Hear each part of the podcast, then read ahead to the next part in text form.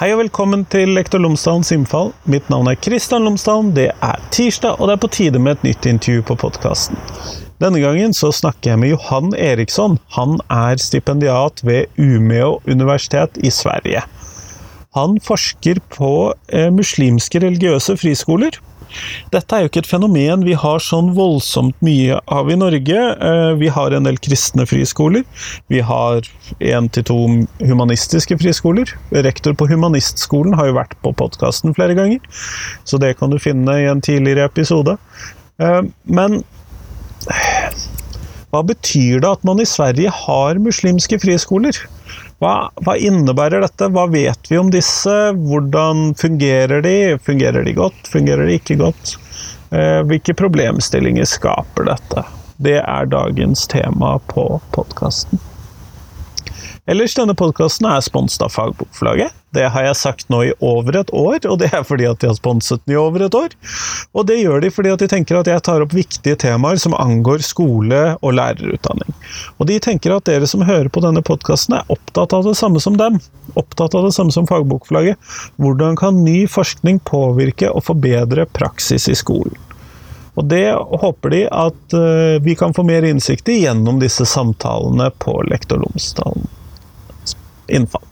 Og Hvis du går inn på fagbokforlaget.no, så finner du alle de bøkene og ressursene og så videre som fagbokforlaget har gitt ut til skole, lærerutdanning osv. Fagbokforlaget.no, altså. Men nå, nå skal du få intervju med Johan. Vær så god.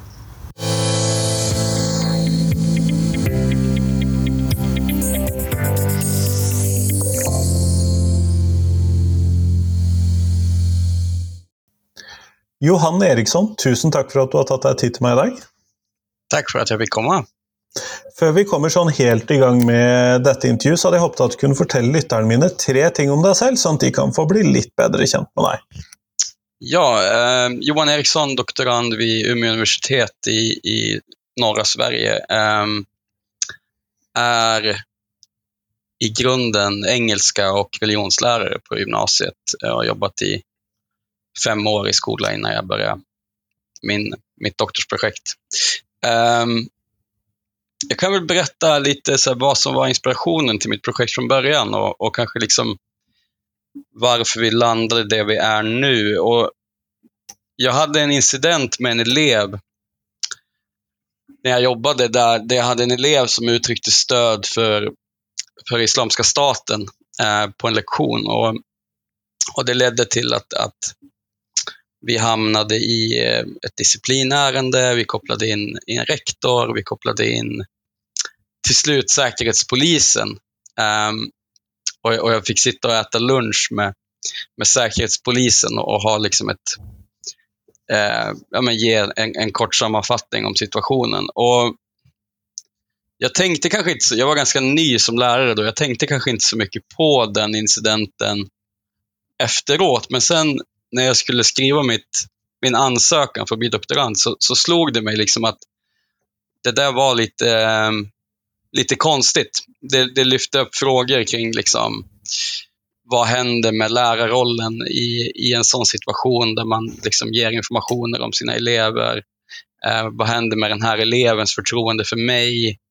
Eh, hur förstås liksom, i det här fallet uttryck för liksom muslims radikalism kontra kanske högerextrem radikalism om det hade varit fallet och så vidare. Så sen, sen, eh, så då började jag kolla upp det och min, min tanke från början var att, att titta på liksom just hur lärare möter extrema elever och, och hur det händer. Liksom. Vad, vad, som händer i de mötena. Men sen Sen så började det stängas muslimska friskolor i Sverige. Eh, eller jag ska bara köra en rättelse direkt. Att, att den korrekta termen är egentligen skolor med muslimsk profil. Um, och sen, sen i, i media och så, här, så används alltid muslimska friskolor. Men jag tänker att det kan vara bra, som vi har sagt det från början, att, att skolor med muslimsk profil eller skolor med kristen profil, om det, om det är en kristen skola. Då. Um, eller judisk i ett fall i Sverige. Men men de stängdes i alla fall och blev, blev då eh, med argumentet att de var radikala, eller de eventuellt bidrog till att radikalisera elever. Och, och det handlar ju om samma tematik som, som jag hade som ingång i mitt projekt, men det blev liksom lite mer intressant att titta på vad som förstås som radikalt av staten och liksom vad, um, men där det kanske inte är självupplevt eller där man kanske inte själva identifierar sig som radikala. Um, så det är det mitt projekt handlar om nu egentligen. Skolor som har stängts ner där um, extremism eller radikalism används som argument för, för nedstängning. Jeg må jo si at som videregående lærer så er dette en virkelighet jeg ikke har vært borti, og jeg må jo si det at jeg på mange måter er glad for det, men samtidig, det høres jo også utrolig interessant ut å stå i i den prosessen som du da var i gang med, og selvfølgelig, jeg mistenker også relativt hardt som lærer å skulle stå i den situasjonen. Mm. Och det, det, fick liksom, det fick faktiskt effekt. Eller, så här, det skrevs en avhandling eh, som heter Extremisten i klassrummet som handlade om, liksom, alltså det finns en, en historia om, om alltså Mona Sahlin, en, en, tidigare högt uppsatt socialdemokrat, hon blev utsedd till, hon fick en roll in i oj vilken regering, det borde vara. Löfven-regeringen borde det vara, eh, där hon blev utsedd att, att jobba specifikt med våldsbejakande extremism eller mot våldsbejakande extremism på olika sätt. Och i det arbetet så, en del av det arbetet var att, eh, att alla kommuner skulle ha handlingsplaner. Så hur man skulle arbeta med våldsbejakande extremism i sin specifika kommun. Och då gjorde Christer Mattsson vid Göteborgs universitet skrev sin avhandling där han granskade de här eh, handlingsplanerna och såg vad de uppmanade till och så vidare. Och i det, och det han konstaterar då är liksom att, jag lyssnade faktiskt på ett, ett avsnitt av den här podden där du pratade med Tore Björgå, jag vet inte om jag uttalar hans namn rätt, men, men han var inne lite på att det finns ju liksom en väldig um, det finns problematik i radikaliseringsbegreppet kan man väl säga, kanske vi kommer återkomma till, men, men um, och det är väl det också Mattsson konstaterar, att de här handlingsplanerna, det finns problematik där. Och det som händer några år senare är att Skolverket går ut, eller egentligen under hans arbete med den här avhandlingen, jag vet inte hur mycket den påverkar den här utvecklingen egentligen, men Skolverket gör i alla fall ett förtydligande där man säger att lärare ska inte informera säkerhetspolis, man ska inte informera polis. Det krockar med grundläggande liksom, yttrandefrihetsrättigheter för de här eleverna. Eh, så att min incident som jag, som jag hade när jag jobbade, den skulle inte kunna ske idag rent, liksom, om man tänker skolrättsligt, så ska den inte ske. Eh, och det, det skolor kan göra nu, det är att man kan, man kan, på samma sätt som man kan kontakta myndigheter om man har en elev som har drogproblematik eller liksom är i en...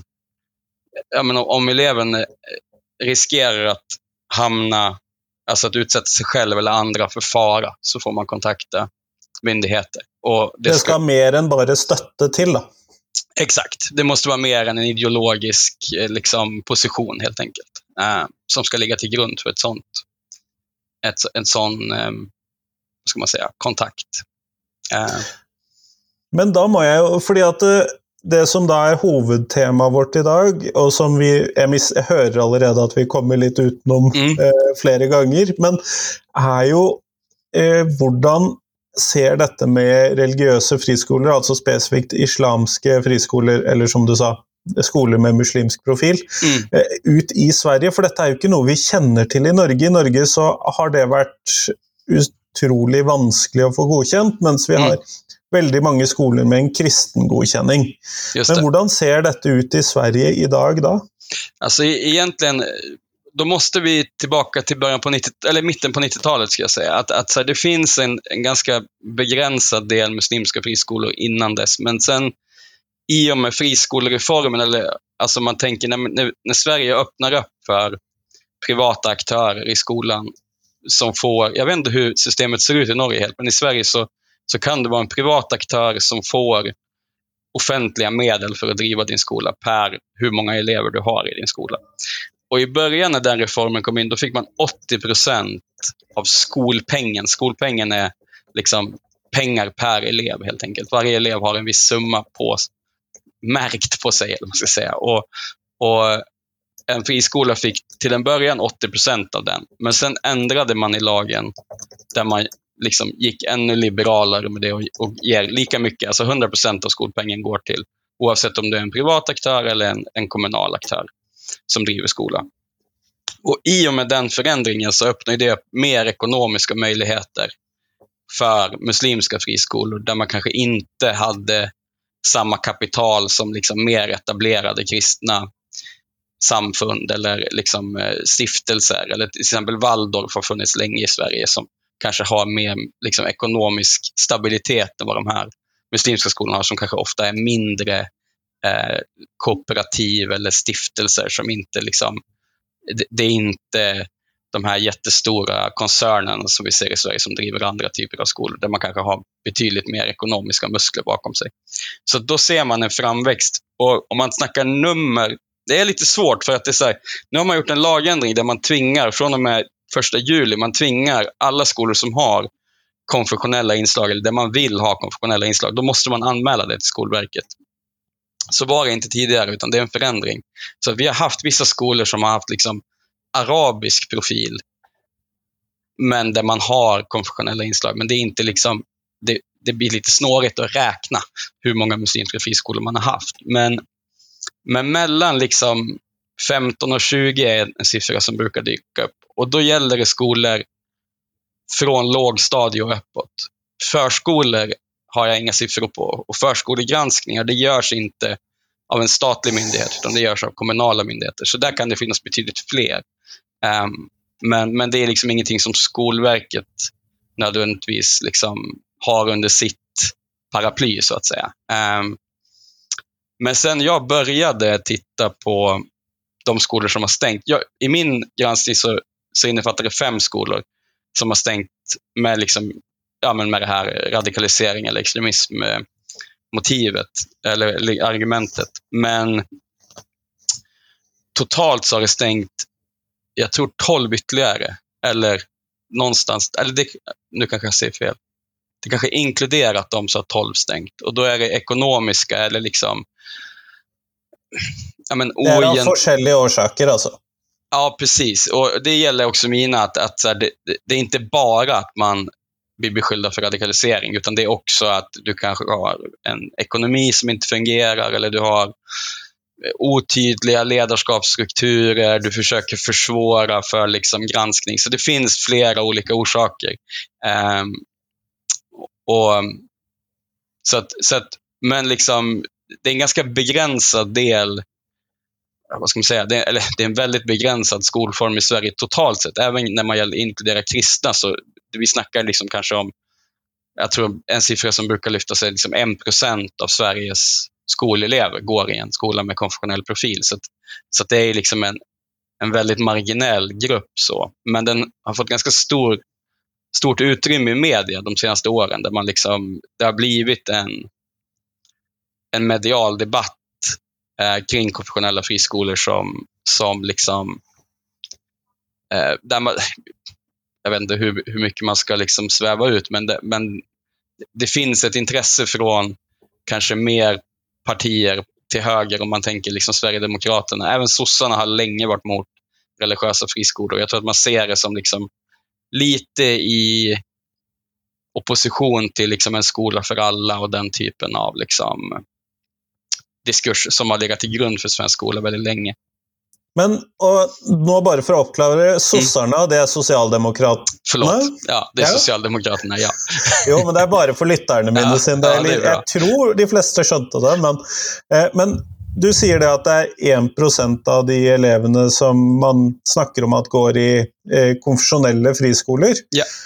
Og i Norge så hører man veldig mye om at i Sverige så er det masse Eh, masse friskoler. Mm. Men det er da altså et begrenset antall av de igjen som da er konfesjonelle. Ja. For i Norge så er dette motsatt. Der er de aller fleste friskolene er religiøse. Mm. Og så finnes det noen få som eh, kalles kommersielle, men som ikke nødvendigvis egentlig er det, men som er litt mer sånn uten en god forklaring, da. Eh, ja. I hvert fall sett for mange, veldig mange.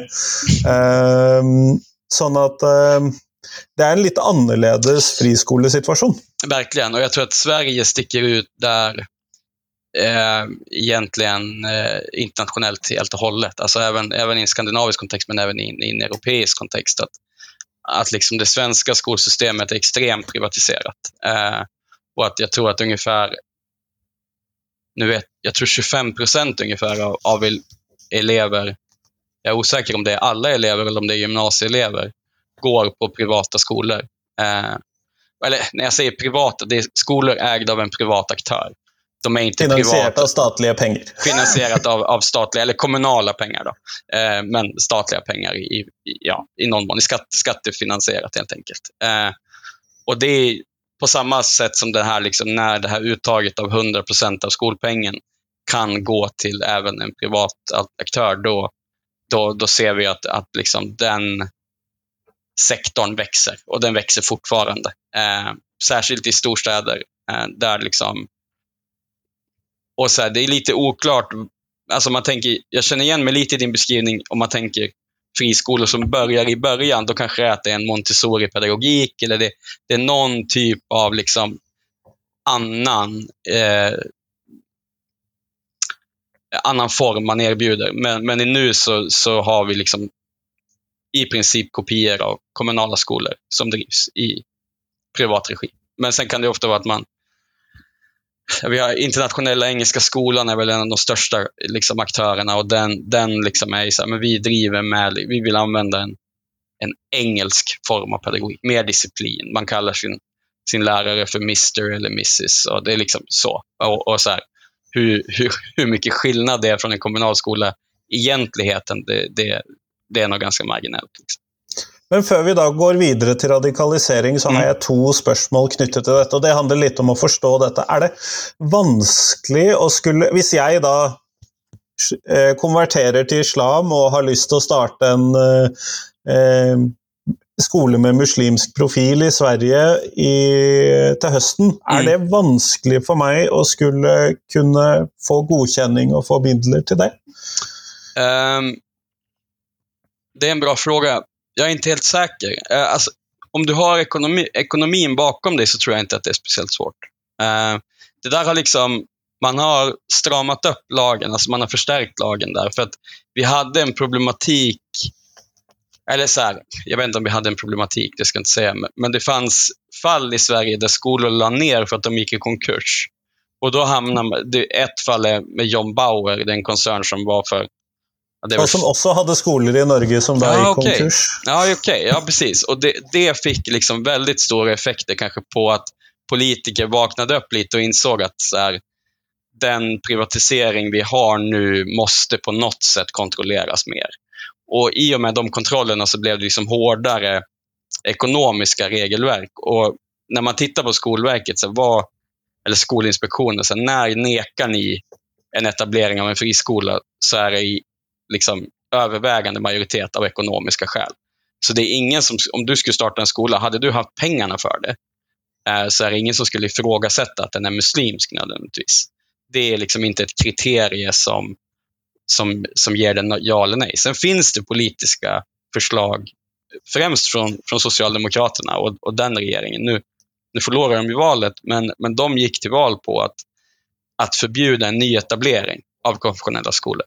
Så det innebär att stänger vi en skola så kan den inte öppnas igen. Eh, och det kan inte öppnas några nya religiösa skolor. Men sen den regering vi har nu, den, eh, den ville inte göra det, utan den ville istället utöka inspektionsbudget, alltså budget för att inspektera de skolor som finns och stänga de som den uppfattar som dåliga. Men, men du får fortfarande nyetablera. Um, så att, så att hade du haft pengar, korta svaret är att om du hade haft pengar så hade det gått bra, tror jag.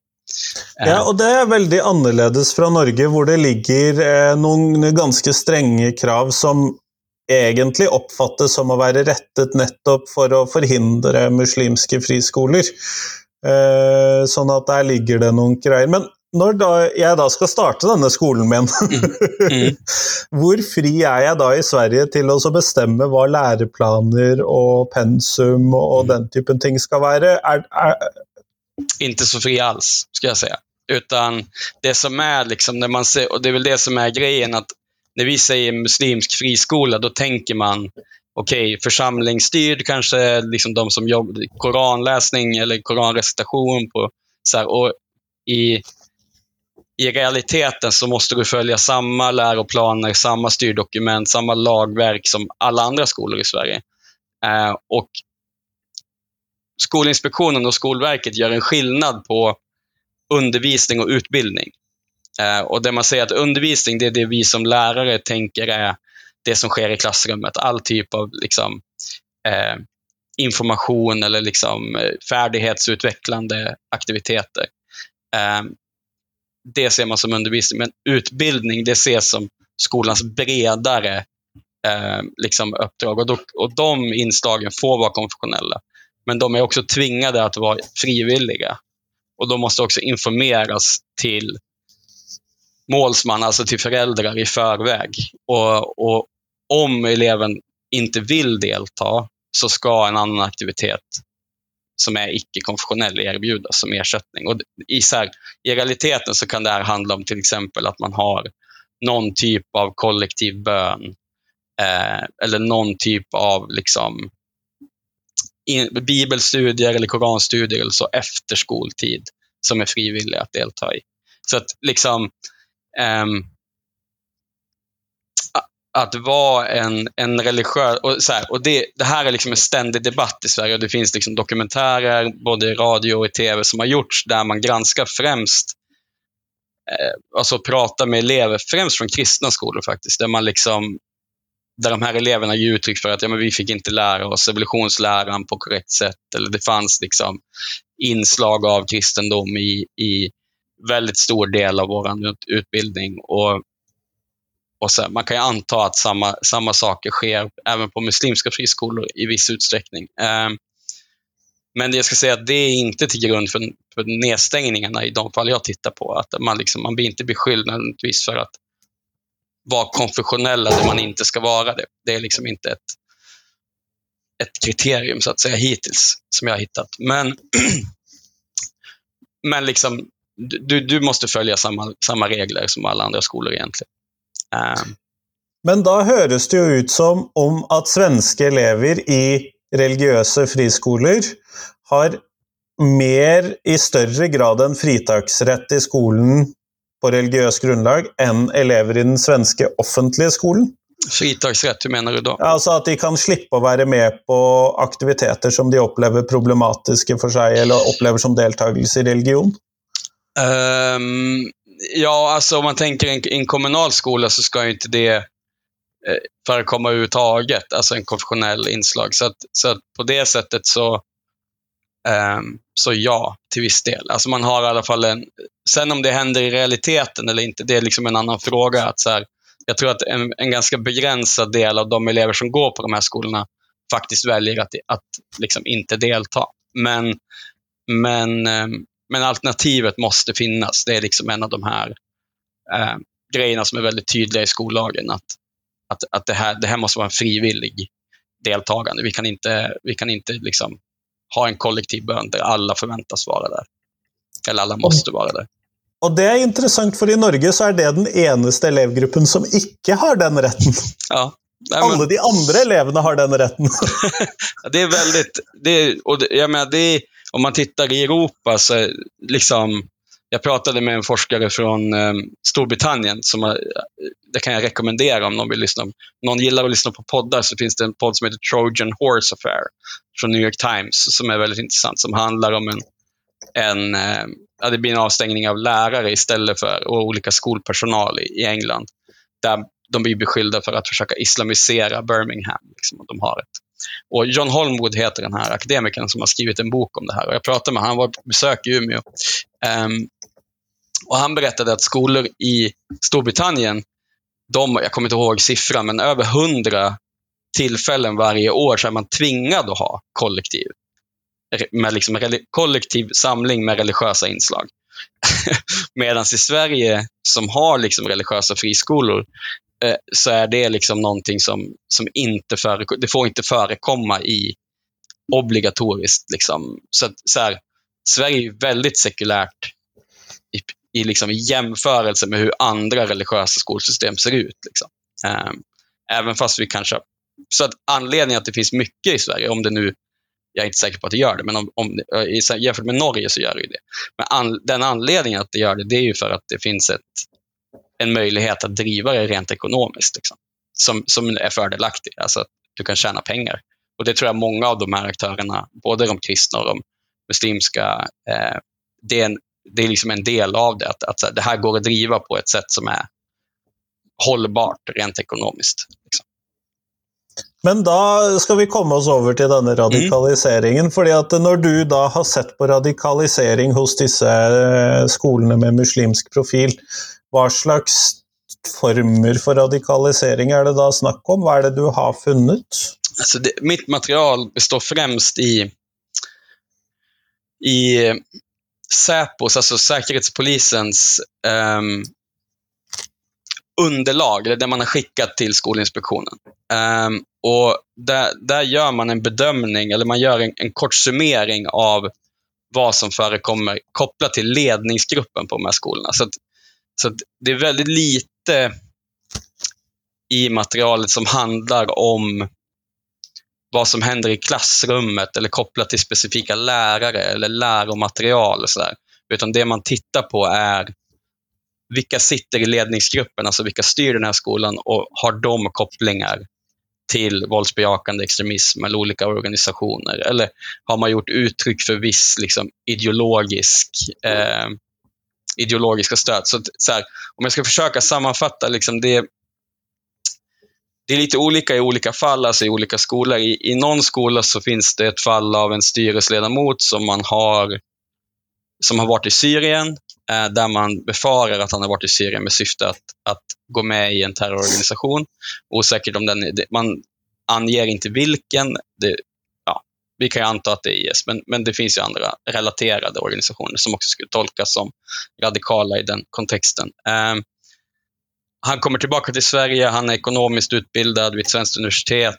Den här skolan behöver en ekonomiperson. De anställer honom utan att de anser att vi inte vet om det, eller det är deras liksom, försvar. Skolinspektionen säger att ja, men ni borde ha vetat om det här. Vi stänger skolan för att det här är ett tecken på olämplighet. Um, det finns ett annat fall i, eh, i en annan skola där lokalerna på skolan har använts för liksom där det man uppfattar som en radikalgrupp har träffats efter skoltid. Och, det, och sen visar man även på kopplingar från liksom ledningsgruppen till individer inom de här organisationerna. Um, så det är ett annat fall som kanske är liksom mer konkreta på liksom, där det finns liksom, vad ska man säga, organisatoriska kopplingar på något sätt. Um, sen kollar jag på skolor nu som jag tycker kanske är mer intressanta och där där, eh, där lyfts det upp att, att de här skolorna på något sätt blir beskyllda för att bidra till segregering. Alltså de, ligger, de här skolorna ligger ofta i utsatta områden eller de har elever från socialt utsatta områden som är liksom en term inom svensk politik och, och kriminalpolitik. Um, men för, ofta förortsområden med liksom socioekonomiskt ganska svaga medborgare. Um, och I de områdena så ligger det ofta skolor som kanske inte är så välfungerande, i alla fall historiskt, de kommunala skolorna har inte funkat speciellt bra. Och då har de här skolorna, de muslimska skolorna använder det i sin marknadsföring. Att okay, men här har vi en skola som är enligt muslimska liksom, eh, vad ska man säga, ramar och kanske bättre liksom, ämnade för, för oss och mer ordning än vad det är i den kommunala skolan.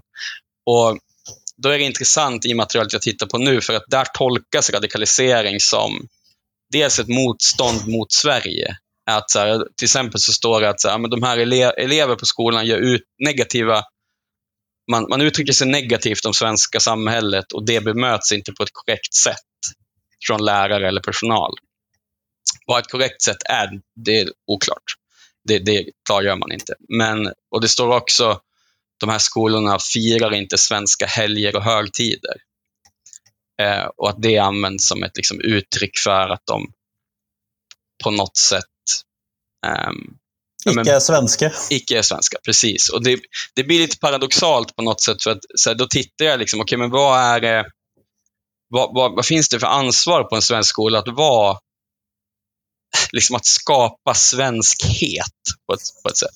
Och, och den, det ansvaret är väldigt lågt. Eh, liksom du, du, du, behöver nödvändigtvis inte vara eh, liksom, jag menar, jag har jobbat i kommunala skolor i Sverige.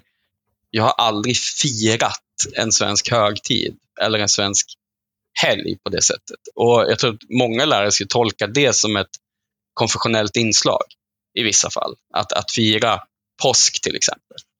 Eh, det skulle ha en tydlig liksom, konfessionell del. Som, som i, i, ja, jag tror i många lärares liksom, det skulle kännas konstigt helt enkelt för att vi är så vana att jobba i en helt sekulär organisation. Eller man ska säga. Och, och därför blir det intressant att så det, på något sätt så finns det en...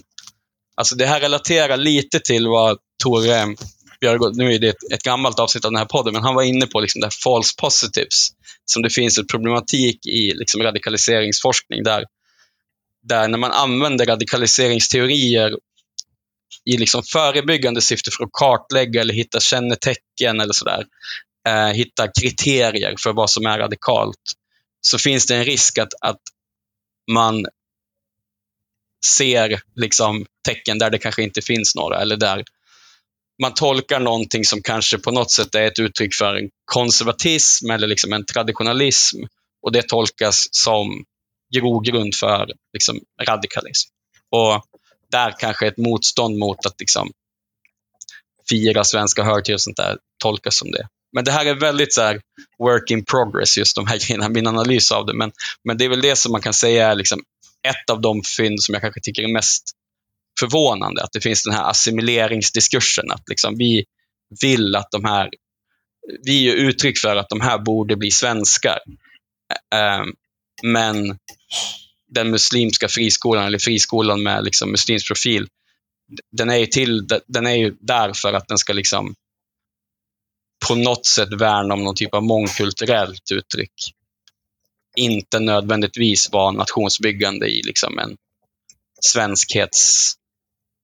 avsikt. Eller liksom så. Så, att, så det kan man Sen finns det också, så här, man ger uttryck för, de blir beskyllda för att stödja Muslimska brödraskapet för att de har gjort vissa ideologiska, eh, eller där man har tagit, visat, man suttit med i samma, alltså det här blir lite snårigt, men man har suttit med i ett europeiskt råd, eh, som är liksom ett europeiskt råd för muslimer som, som startades av Yusuf al-Qardawi som är liksom en nu är han, han dog bara nu i, i vintras tror jag, men han hade länge ett program på Al Jazeera och ses väl som en av de största liksom, eh, muslimska tänkarna i, i världen egentligen. Eh, och Det här rådet de jobbar med väldigt mycket med att på något sätt värna om en muslimsk identitet och hur man kan leva som muslimsk i sekulära europeiska samhällen. Liksom.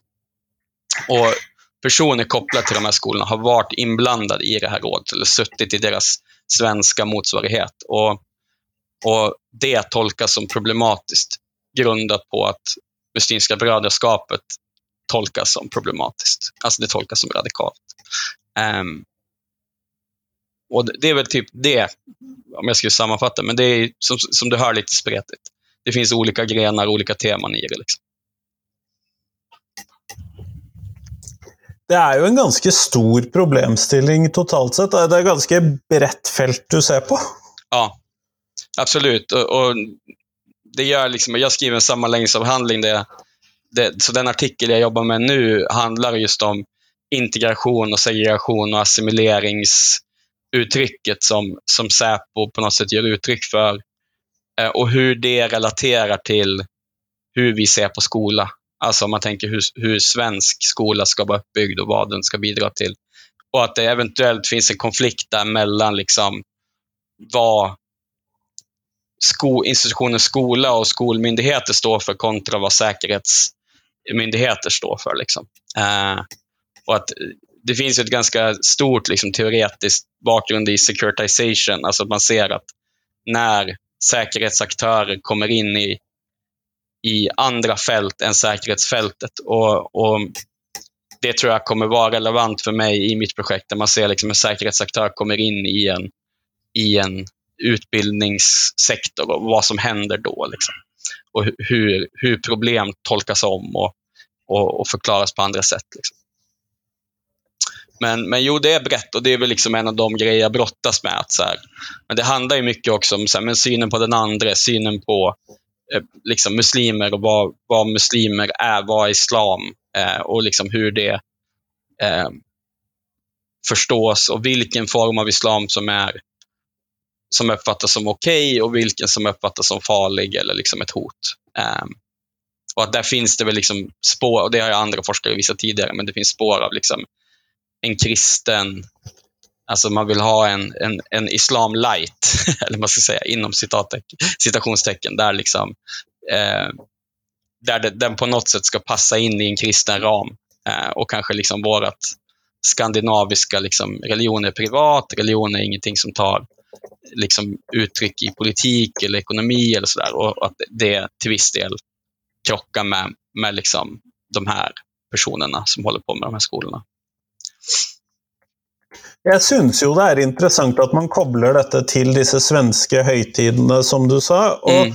Jag kunde ju förstått det om det handlade om eh, svenska flaggans dag eller mm. Eh, den typen sekulära markeringar. Men jag vill ju inte att skolan ska markera jul och påsk och något annat än att fortälla om att ja, nu har de kristna den typen högtider. Exakt. Mm, eh, hvis man, och hvis det är bestämmelserna för de svenska skolorna så blir ju det en väldigt rar ting att klaga på. Ja, exakt. exakt. Det, det, det, det, var det som var min reaktion också. När jag läste det så blev jag väldigt förvånad. Att eh, vad, vad är det egentligen man efterfrågar här? Eh, och den, det krav man ställer här, ställs det på andra skolor i Sverige? Skulle det här tolkas som problematiskt om ni granskade en kommunal skola i Luleå? Nej, förmodligen inte. Och det gör att det liksom det, det, blir rart om man ska, jag gillar det norska uttrycket.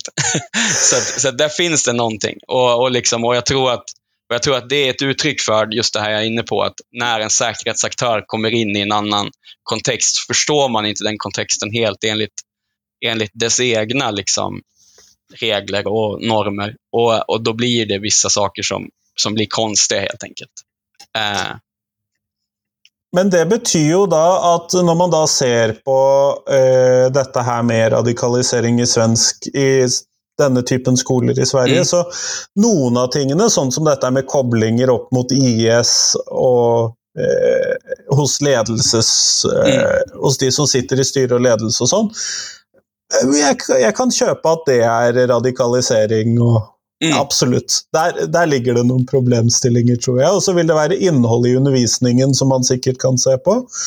Men og så er det noen av disse tingene som egentlig kanskje mer handler om majoritetsblindhet. Mm. Hvis du förstår det begreppet. Ja, det är ett väldigt bra begrepp, majoritetsblindhet. Jag har inte hört det förut, men jag, jag förstår ju vad du menar och jag tycker att det, det ringar in eh, absolut vissa delar av det här. Att man liksom... Eh, och, eh, alltså jag håller med om det, det du är inne på med att liksom och det är så här, En viktig grej att, att lägga till här, det är att min avsikt med min avhandling är inte att på något sätt se om de här nedstängningarna är legitima eller inte. Och Det grundar sig i att så här, jag har inte tillgång till allt material.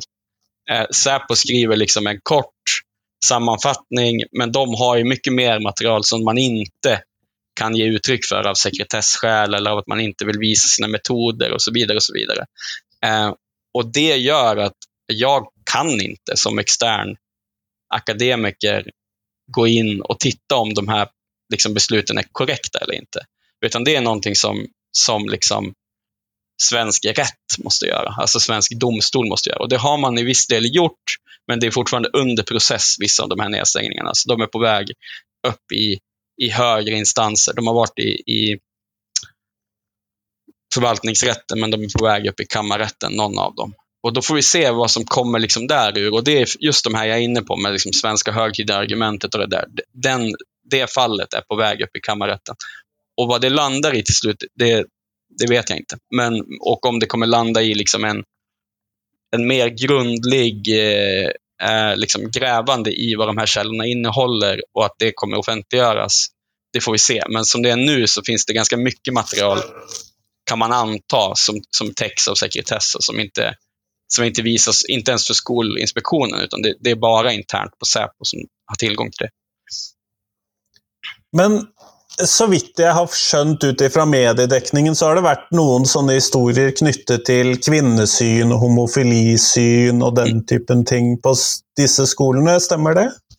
Eh, till viss del, inte, inte just i de jag tittar på som har stängt ner, men, men liksom det finns Historiskt så har det varit vissa granskningar som har gjorts av Skolinspektionen där man har hittat tecken på främst könssegregation har varit en sån fråga där man liksom separerar eh, pojkar och flickor och att, som man inte får göra i svensk skola. Och, då, och att man har gjort det och att det eh, upplevs som problematiskt. Och Det är ju någonting som Skolverket, eller Skolinspektionen liksom tar fasta på. Men just de skolor jag tittar på, de har, de har många av dem granskats av Skolinspektionen tidigare och då fått ganska bra eh, liksom, utfall på de inspektionerna. Man har inte haft så mycket att anmärka på egentligen. Eh, så det, det verk, liksom, ska man gå på tidigare inspektioner så verkar det ha varit relativt välfungerande skolor. Eh, jag ska inte säga, inte alla av dem. Eh, I, i något fall så har skolan, skolan är så pass ung så att den, den, den skolan den var nog problematisk från början. Men, men i några av de skolorna så har de funnits i ganska många år. Alltså vissa av dem är 15-20 år gamla.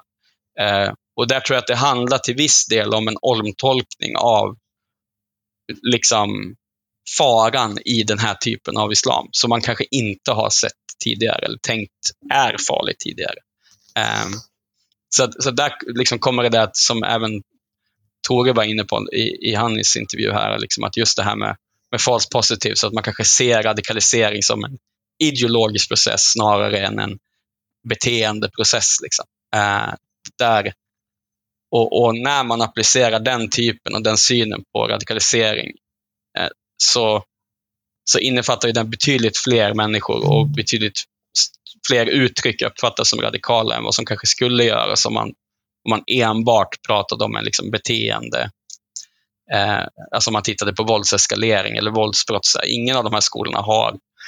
Eh, det är ingen elev eller liksom lärare som har dömts för någonting brottsligt, i, i, alltså i, i form av våld. Vissa av dem har brotts, dömts ekonomiskt, men ingen har dömts för våldsbrott eller sådana brott. Det er jo veldig interessant, fordi at dette tyder jo på at det er noen sånne praksiser som man finner i religiøse friskoler som skaper litt sånn presseoppmerksomhet, og som kan dukke opp litt innimellom. Men som ikke nødvendigvis foregår på de skolene som blir stengt pga. radikalisering av andre årsaker igjen. Nej. Mens noen av de skolene som da kanskje underviser litt feil, eller har litt feil praksis, ikke nødvendigvis blir stengt ned. Mm. Så det er jo et ganske blandet bilde alt sammen. Jo, absolut. Absolut. Och det där handlar ju liksom... Alltså, och det, det där är, tror jag grundar sig lite i att lagstiftningen är så att Skolinspektionen har, musk, har muskler, eller liksom möjlighet att stänga när ledningen är problematisk. Alltså det, det är den liksom, om vi hittar lämplighet, olämplighetskriterier, alltså saker med den här ledningen som inte eh, är lämpliga att ha hos en skolledare, då kan vi stänga. Eh, Medan till exempel så finns det fall där kristna skolor blir beskyllda för att inte lära ut evolutionsläran på rätt sätt till exempel. Och då får man ofta ett vite, alltså man får en böter. Så man har fått böter på 200 000 eller vad det nu är. Och så får man betala det och sen får man visa senare vid en senare inspektion att nu har vi, nu har vi liksom rättat till det här och nu lär vi ut enligt läroplanen. Um, och jag tror att liksom så, så att så att det blir liksom lite olika saker. Att du har en sak som är liksom skolverksamheten och sen har du en annan som är ledningsgruppen. Och, och ledningsgruppen, eh, om den är olämplig, då, då får du problem helt enkelt eh, som skola. Då, då är det svårt att, att driva den vidare. Och det är det, det, är det, det är det som är vägen in till att stänga den. Liksom. Skjønner. Tusen takk for det. Vi går mot slutten av tiden vår Mm. sammen, og da skal jeg stille deg det faste spørsmålet som jeg stiller til alle for tiden. Og eh, Hvilken lærer har gjort størst inntrykk på deg, og hvorfor det? Um, då måste jag få nämna två. Det er det mange som gjør, og det kan jeg fortelle Ja, deg. vad bra. Um, nej, men jag vill lyfta upp um, dels jag hade en lärare som heter Mårten på, på gymnasiet som var lärare i engelska. Och, och Jag tror att han var liksom den första lärare som, som på något sätt fick mig att tänka att så, det här är någonting jag vill tänka mig att jobba med. Och liksom att, att han visade på ett väldigt gott sätt att man kan liksom vara eh, ja, men gränsen mellan personlig och privat var liksom någonting han var otroligt duktig på. Att han bjöd in och liksom öppnade upp och visade att det kunde vara kul att vara lärare på något sätt. Um, så det är ett namn jag vill lyfta. Sen vill jag lyfta en kollega som jag hade när jag jobbade. Jag jobbade väldigt mycket med ensamkommande flyktingbarn i Sverige under flyktingkrisen och då jobbade jag med en kollega som heter Oliver. Eh, som jag tyckte liksom hade en otrolig värme fast fortfarande kunde vara väldigt så disciplinär och hård mot elever fast på ett, på ett väldigt så imponerande sätt där, där man liksom eh, ja, men som skapade en väldigt förtro, liksom, ett, ett stort förtroende fast också en väldig respekt liksom, från elever till honom och även från kollegor. Så jag måste få nämna två. Så då nämner jag dem. Kjempeflott. Tusen tack för att du tog dig tid till mig idag. Ja, men tusen tack för att jag fick vara med. Superintressant.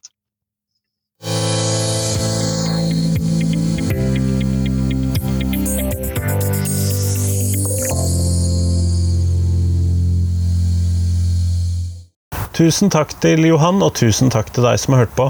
Nå er det en liten uke fram til fredag før det kommer en ny episode på podkasten, og da skal det handle om profesjonsetikk i skolen.